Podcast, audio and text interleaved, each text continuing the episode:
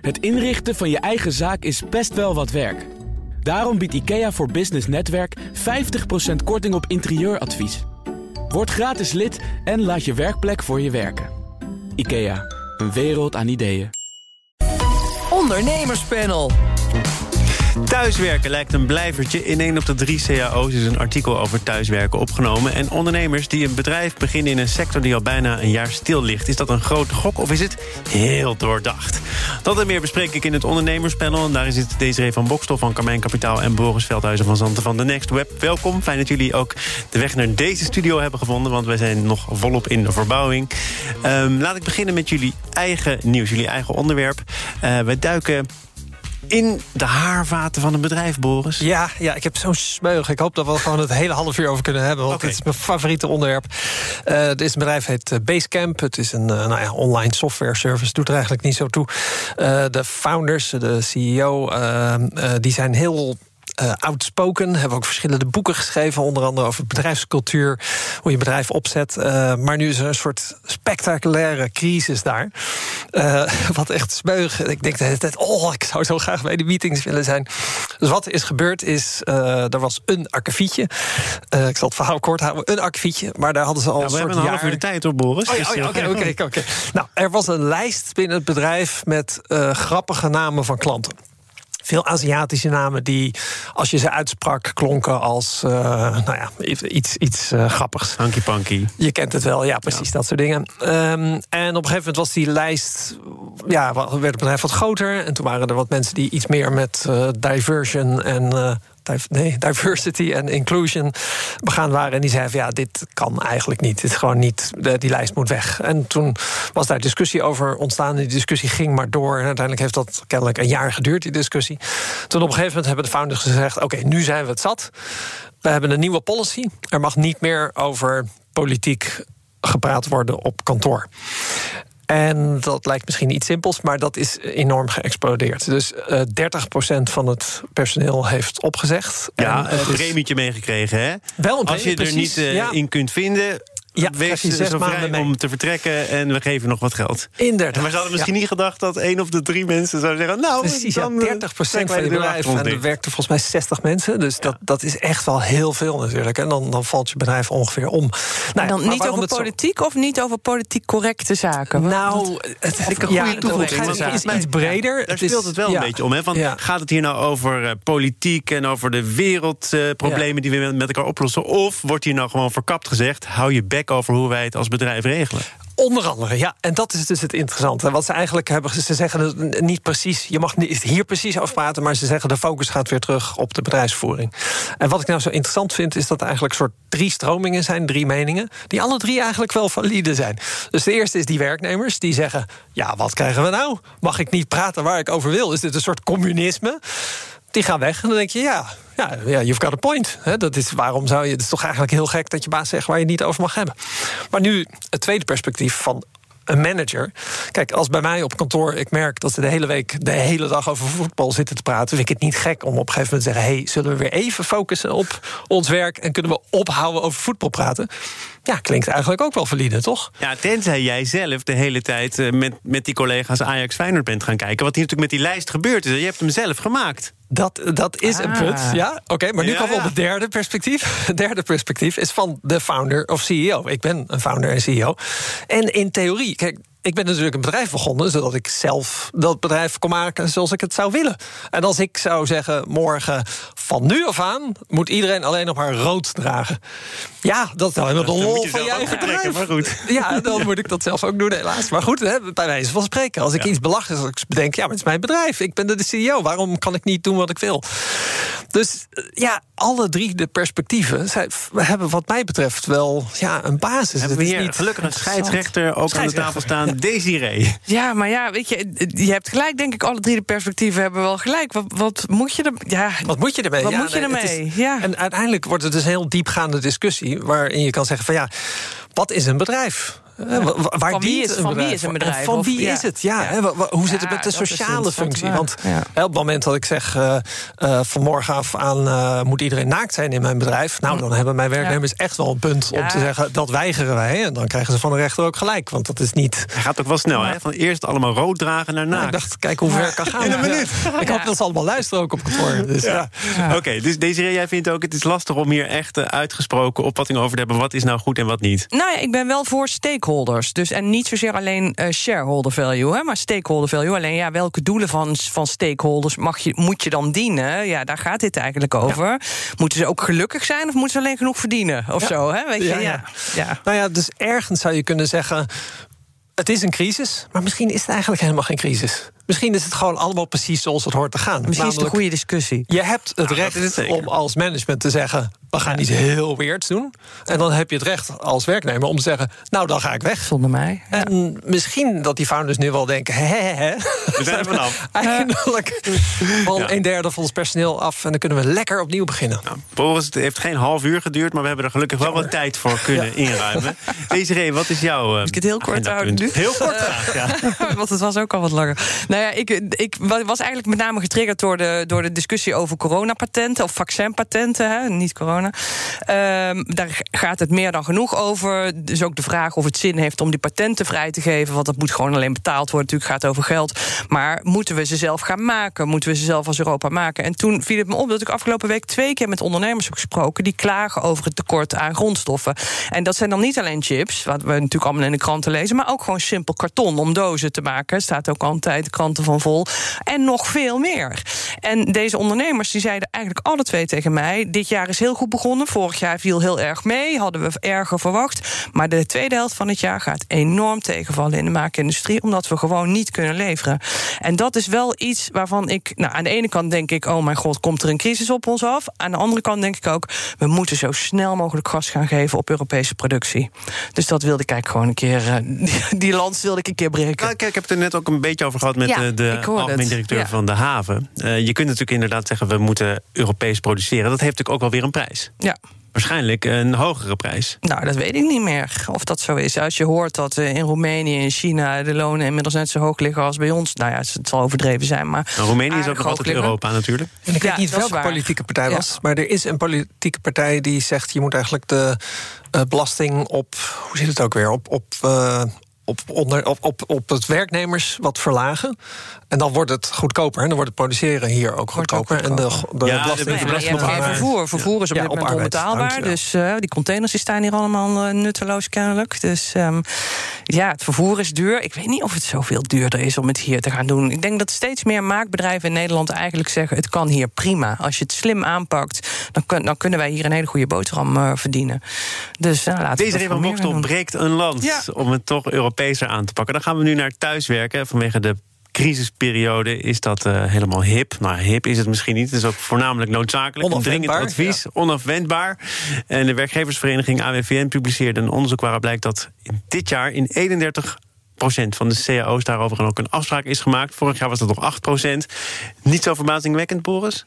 Nee, ja, het is echt wel de sign of the times. En, en wat dat betreft uh, ja, het is gek om te zeggen dat je blij bent met de crisis. Maar laten we zeggen, het is in ieder geval een, een, een zilveren randje aan de crisis. Dat we allemaal geforceerd worden om die stap te zetten. Nou, wel voor bedrijven die die stap uit eigen beweging ook al zetten. En ik geloof dat het, dat het in jouw geval wel aan de orde was. al een tijdje mee bezig. Maar ik denk dat heel veel bedrijven het ook wel wilden. Hè, maar dachten, oh ja, hoe zit dat nou technisch? En willen mensen het wel? En er waren natuurlijk allemaal drempels om niet die stap te zetten. Ja, nu kon het niet anders. En ik denk dat heel veel mensen nu... Eh, ik merk zelfs in mijn bedrijf. Eh, mijn co-founder die zei, ja, vroeger had ik... Ja, die was gewoon iedere dag tot 11 uur op kantoor... en niet naar huis te krijgen. En hij zei, ik kon me ook niet een andere wereld voorstellen. Ja, weet je hoe dat komt? Hij moest de hele tijd over politiek ouwe horen met jou. Al die lijstjes te worden. Precies. ja. Nee, dus al gluurapparatuur ge geïnstalleerd? Want een maand geleden waren we daar nog allemaal van ondersteboven. Dan zie je wel, dan werk je thuis. Maar je werkgever wil wel precies weten wat jij wanneer doet. Nee, maar dat is ook echt verschrikkelijk. En dat hebben wij op kantoor ook nooit gedaan. Hè. Dus eh, wij, wij sturen ons bedrijf heel erg uh, resultaatgericht. Hè. Dus je geeft iemand verantwoordelijkheid, je vertrouwt hem erin... en dan beoordeel je de resultaten. En, en uh, ja, per vijf minuten bij iemand over zijn schouder kijken... dat is het tegenovergestelde van vertrouwen en verantwoordelijkheid verantwoordelijkheid geven. Dus nee, dat moet je ook niet gaan doen als ze thuiswerken. Hoe gaat het er bij Carmijn uitzien in de toekomst? Ja, ik denk inderdaad ook dat wij eh, de combinatie zullen houden. Dus um, ik denk dat iedereen daar blij mee is met een deel thuiswerken en een deel op kantoor werken. En um, het interessante is denk ik wel dat je je af gaat vragen, nu zo langzamerhand, nu we weten dat het zo gaat blijven, wat voor targets gaan we aan dat thuiswerken verbinden? En dan bedoel ik eigenlijk niet zozeer de commerciële targets, want daar moet je natuurlijk wel heel duidelijk een, een, een visie op hebben. En daar moet je denk ik beter op gaan sturen. Maar ik bedoel meer de targets in de zin van wat wordt er van je verwacht in het houden van verbinding, in uh, sociaal contact, informeel overleg, kennisoverdracht, et cetera. En dat vinden wij nog wel een, best een puzzeltje hoe we dat gaan doen. Dus ik hoop dat er vandaag of morgen allerlei voorbeeldbedrijven opstaan die laten zien hoe dat, dat heel goed kan. Moeilijk, moeilijk te meten, dit soort zaken. Ja, maar dat, dat moet natuurlijk wel. Want je kan niet hebben dat wij zijn met z'n twaalf, dat twaalf mensen allemaal individueel thuis hun werk zitten te doen. Dat, ja, je moet wel die, het collectief ook houden. Jij bent op zoek naar tips Boris is er nu ja, toch? Ja, precies, die weet dat. ja, ik denk dat je extra aandacht moet eh, besteden aan, aan bedrijfscultuur eigenlijk. En, en dat is iets wat ontzettend moeilijk naar online te verplaatsen is. Hè. Dus eh, eigenlijk alle dingen, alle activiteiten die je kunt bedenken om de cultuur beter te krijgen, begint de zin met: oké, je zorgt dat iedereen samenkomt. en dan ga je iets doen. Hè. Eh, kanoën of uh, op het strand wandelen. Of, en, en, als je niet samen kan komen of iedereen zit thuis, ja, dan zit je weer in een call naar elkaar te kijken, één voor één. En ik hoorde iemand zeggen. De vrijdagmiddagborrel lijkt een moment om he, dat de CEO op het podium iedereen toespreekt. En dan, maar wat het eigenlijk is, is dat je met één of twee collega's in een hoekje gaat staan roddelen. Ja. over je eigen leven, of over je collega, of over politiek. het project, ja. of over politiek, of politiek incorrecte zaken. Maar in ieder geval, dat zijn juist. En, en zo'n online call waar je met 80 mensen in zit, ja, dat heb dat ja. tegenovergestelde daarvan. Dus ik denk zit dat je niet tussendoor veel... nog een beetje stiekem te appen met collega's? ben ik nou de enige? Nee, nee, dat nee, zeker. Dat nee, hilarisch is, wat wij altijd doen natuurlijk, is in een meeting grappige dingen naar elkaar sturen en dan kijken of iemands gezicht verandert. Dat is altijd.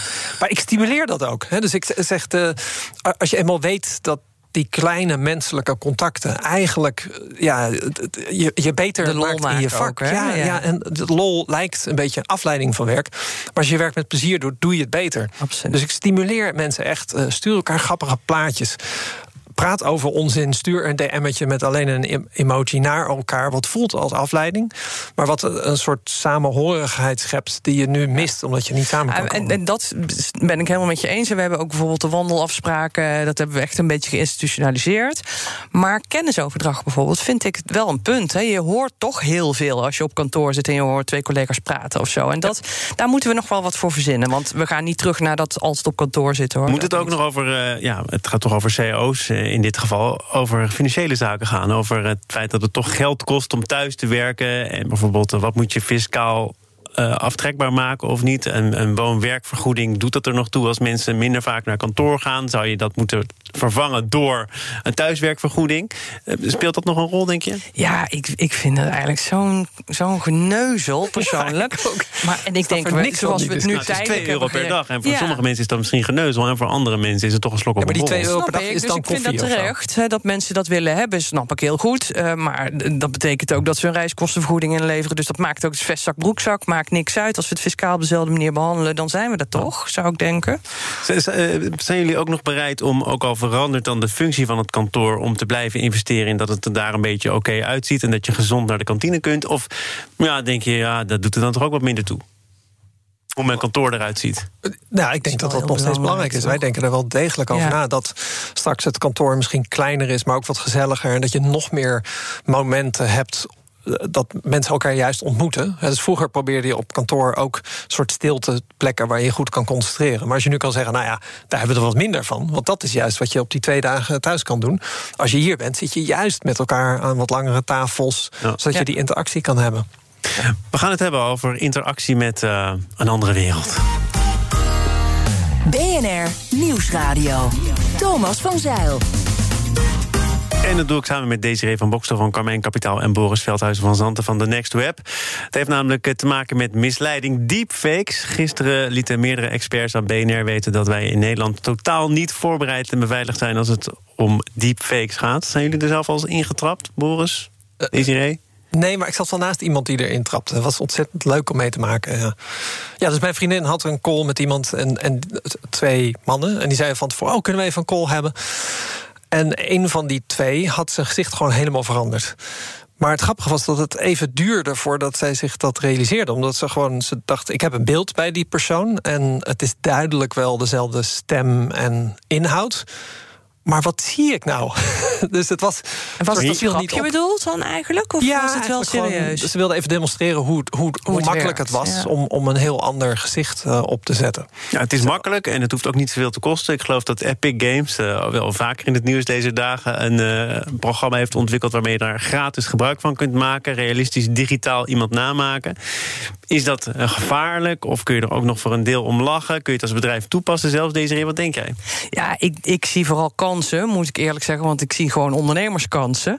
Maar ik denk wel dat het inderdaad terecht is om ervan uit te gaan dat ons Nederlandse MKB, maar ik denk ook het corp- de corporate wereld onvoldoende is voorbereid op. eh, ik ben toevallig geaccrediteerd eh, eh, particulier onderzoeker, dus privédetective. Doe ik niks mee, maar dat ben ik wel. En daardoor weet ik ook dat we ons zo voor de gek laten houden als bedrijfsleven. En dat we eigenlijk. Dan zou je er daar- misschien wat meer mee moeten doen. ja, zou ik, nou ja, ik heb niet voor niks gedaan ook, eh, die opleiding, omdat ik echt denk dat daar absoluut toekomst zit. Hè? Wij doen helemaal geen onderzoek op het deep web of het dark web naar wat er allemaal over bedrijven te Maar noem vinden eens wat is. dan, hoe, een bedrijf zich eh, gemakkelijk en zonder het te weten voor de gek laat houden. Nou? CEO-fraude gebeurt natuurlijk Ja, ja. zeer regelmatig. En eh, het wordt ook nog heel vaak niet teruggehaald. Het geld wordt ook niet teruggehaald. Hè. Dat is echt iets wat, wat dus de particuliere onderzoekers heel goed kunnen doen. Want de politie heeft daar geen, geen tijd voor.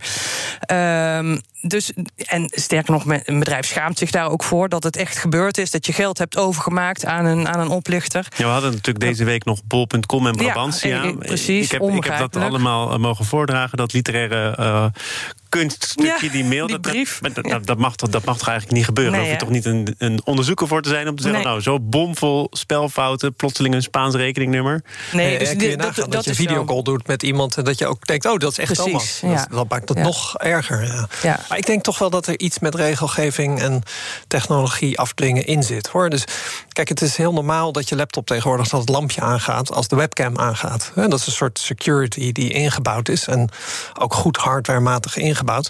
Dus ik zou zeggen, ik zie ook opportunities. Het is natuurlijk super grappig als ik met iemand kan bellen en me kan vermommen als eh, Madonna of zo. En dat het nog realistisch overkomt. Maar zou het niet wel logisch zijn om die softwaremakers te vragen: hey, in verband met de veiligheid moet er altijd een soort, eh, net zoals bij paspoorten, als het nep is, staat er zo schuin over specimen of zoiets. Hè? Wat Ja, staat ja, er ook ja, weer? Ja. Ja.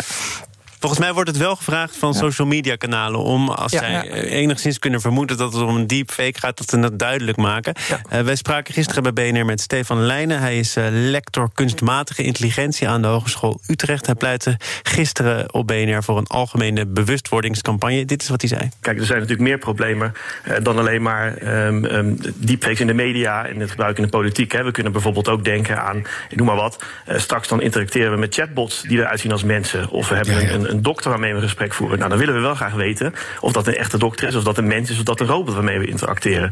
Eh, die wetgeving, dat gaat nog even op zich laten wachten. Dus we kunnen maar beter zo snel mogelijk beginnen met, nou ja, dan maar de dingen die om de wetgeving heen zijn. Dus inderdaad die bewustwording. eh, en ook inzetten op technologie, zodat we kunnen detecteren. Ja, een bewustwordingscampagne, daar wordt natuurlijk al vrij snel van stal gehaald. Maar is dat op dit moment het maximaal haalbare? Of zeg je nee, maak hier ook wettelijk zo snel mogelijk paal en perken? Ja, ik denk het wel. Ik denk dat we aan alles wat zich voordoet aan ontwikkelingen, eh, digitaal eh, ontwikkelingen, dat je daar uiteindelijk wetgeving omheen moet bouwen. Wat jij eigenlijk ook zegt, Boris. eh, maar dat gaat vast heel lang duren. Dus tot die tijd zullen we wel moeten zorgen dat bedrijven en mensen zelf wat, wat meer savvy worden en wat beter snappen wanneer ze voor de gek worden. Ja, maar gehouden. ja, dat hoeft niet altijd high-tech te zijn. Hè? Want Nee, er was een paar weken nee. geleden natuurlijk veel te doen over die Kamerleden die in gesprek waren met een medewerker van Navalny.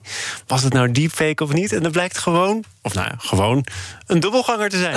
Dat kan ook nog. Ja. Dat kan ook nog, ja. Ja. Ik hoorde trouwens nog wel een soort een heel klein op hetzelfde vlak dat ehm, het, het, schijnt dus bijvoorbeeld als je eh, barman bent en je vraagt iemand wil je nog wat drinken en tegelijkertijd schud je ja met je hoofd, dan is de kans veel groter dat ze ook echt een drankje bestellen. Dat is een soort trucje.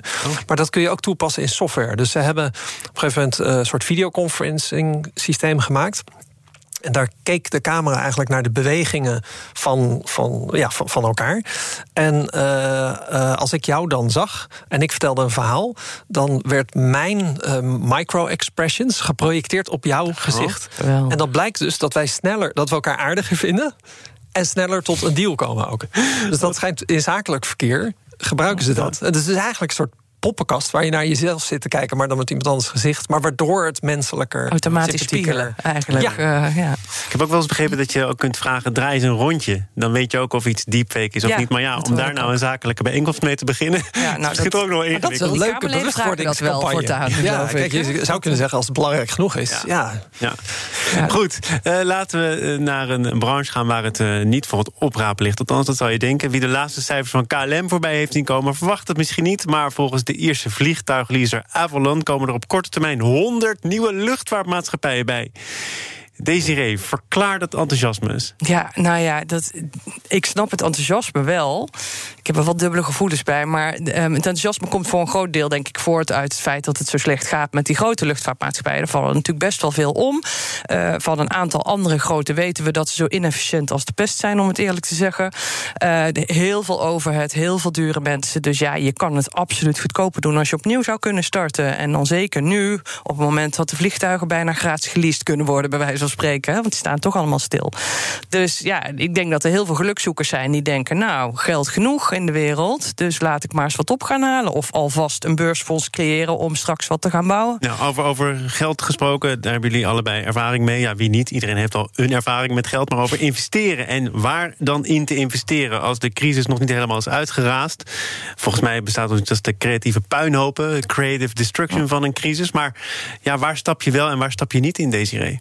Nou ja, daar zit in dit geval wel mijn, mijn dubbele gevoel. Kijk, je, je, je zou hier misschien best in kunnen stappen uit geldvien- geldverdien eh, oogpunt. Als je de juiste, de juiste partij weet te vinden met een goed businessplan dat zich enigszins onderscheidt. En dat, eh, nou, dan ga je ongetwijfeld klanten trekken. Ik vind het wel moeilijk dat op een moment dat we met z'n allen zeggen we moeten deze crisis gebruiken. Hè, onder, onder druk wordt alles vloeibaar. We hebben net ook gezien met dat thuiswerken. Laten we dan deze druk nu ook gebruiken om iets vloeibaar te maken in de hele maatschappelijke discussie over vliegen en in de duurzaamheid. Dus ik, ik zou er zelf niet heel graag in investeren. Maar dat is meer omdat ik eigenlijk vind dat nou, dit is te opportunistisch voor mij. Als jij hier naar kijkt met een investeerdersblik, wat denk je dan, Boris? Nou, ik zou, er, ik zou er ook niet in investeren. Inderdaad. eh. Maar er liggen kansen. De, Ja. de oude grootmachten vallen om. Ja. Eh, Of ze gaan heel erg snijden in hun routes. Eh, het Ja. zijn allemaal prijsvechters, meen ik. Nee, dus voor het grootste deel. gezien is het, is het, zie ik de logica daarvan in. Hè. Dus alle internetbedrijven die nu succesvol zijn, zijn begonnen in de crisis. Hè. Want dan, eh, nou, dan komt het talent komt vrij en is makkelijk aan te nemen. En je kunt uit een inboedel de spullen overnemen. Zonder de historie van het bedrijf en alle mensen die je niet kon ontslaan terwijl wel zou willen. Dus, dus het is een uitstekend moment om iets te beginnen. Maar tegelijkertijd denk ik ook, het is ook zo zonde. Hè? Dus eh, we- aan het begin van de crisis dachten we... wanneer kunnen we terug weer naar normaal? Maar t- tegelijkertijd dachten heel veel mensen... ja, naar normaal, we kunnen terug naar beter. En beter zou zijn minder vliegen. Hè, dus als je dan nu hoort... oké, er komt een crisis en er verdwijnen er een aantal... en dan komen er honderd eh, prijsvechters bij... en denk je, jeetje, wat zonde dat we die kans niet grijpen... om het beter te Maar doen. ook voor de nieuwe en de betere dingen geldt natuurlijk dat er wel geld beschikbaar is, Desiree. Hè, Dat het feit dat er een Nou, creatieve destructie zou kunnen zijn. Eigenlijk Ja, zou je ja. de, de investeerders die investeren, zou je, da- daar zou je best kritiek op kunnen. eh, Ja, je zou zeggen, kijk, op het moment dat, dat iemand in elektrisch vliegen gaat investeren... of dat je, eh, weet ik veel wat voor oplossingen met, met spoor gecombineerd zou gaan maken... Dan, dan voeg je wat toe aan de wereld. Dan heb je echt een visie, een, een ondernemersvisie, vind ik... als het alleen, puur en alleen gaat over de laagste prijs... dus ik ga daar geld mee verdienen. Ja, dan is dat nu denk ik niet meer het helemaal het juiste moment. En dat Ja. zie je hier eigenlijk het wel gebeuren. te- Met die 100 Ja, ik denk dat dat eh, voor een heel groot aantal eh, zo zit. Ja, ja. Ik vond het een, eh, een heel fijn panel. Het ging niet alleen maar over die crisis bij het Amerikaanse bedrijf... maar de rest Nee. mocht er misschien toch ook wel zijn, Boris. Ja. ja? Gelukkig. Boris Veldhuizen van Zanten van The Next Web... en Desiree van Bokstel van Carmijn Kapitaal. Dank voor jullie bijdrage aan dit panel. Zometeen over de wereld beter maken... is het podium weer voor twee ambitieuze start-ups. Zij mogen dan hun ideeën gaan Als ondernemer hoef je niet te besparen op je werkplek. Want IKEA voor Business Netwerk biedt korting op verschillende IKEA-producten. Word gratis lid en laat je werkplek voor je werken. IKEA, een wereld aan ideeën.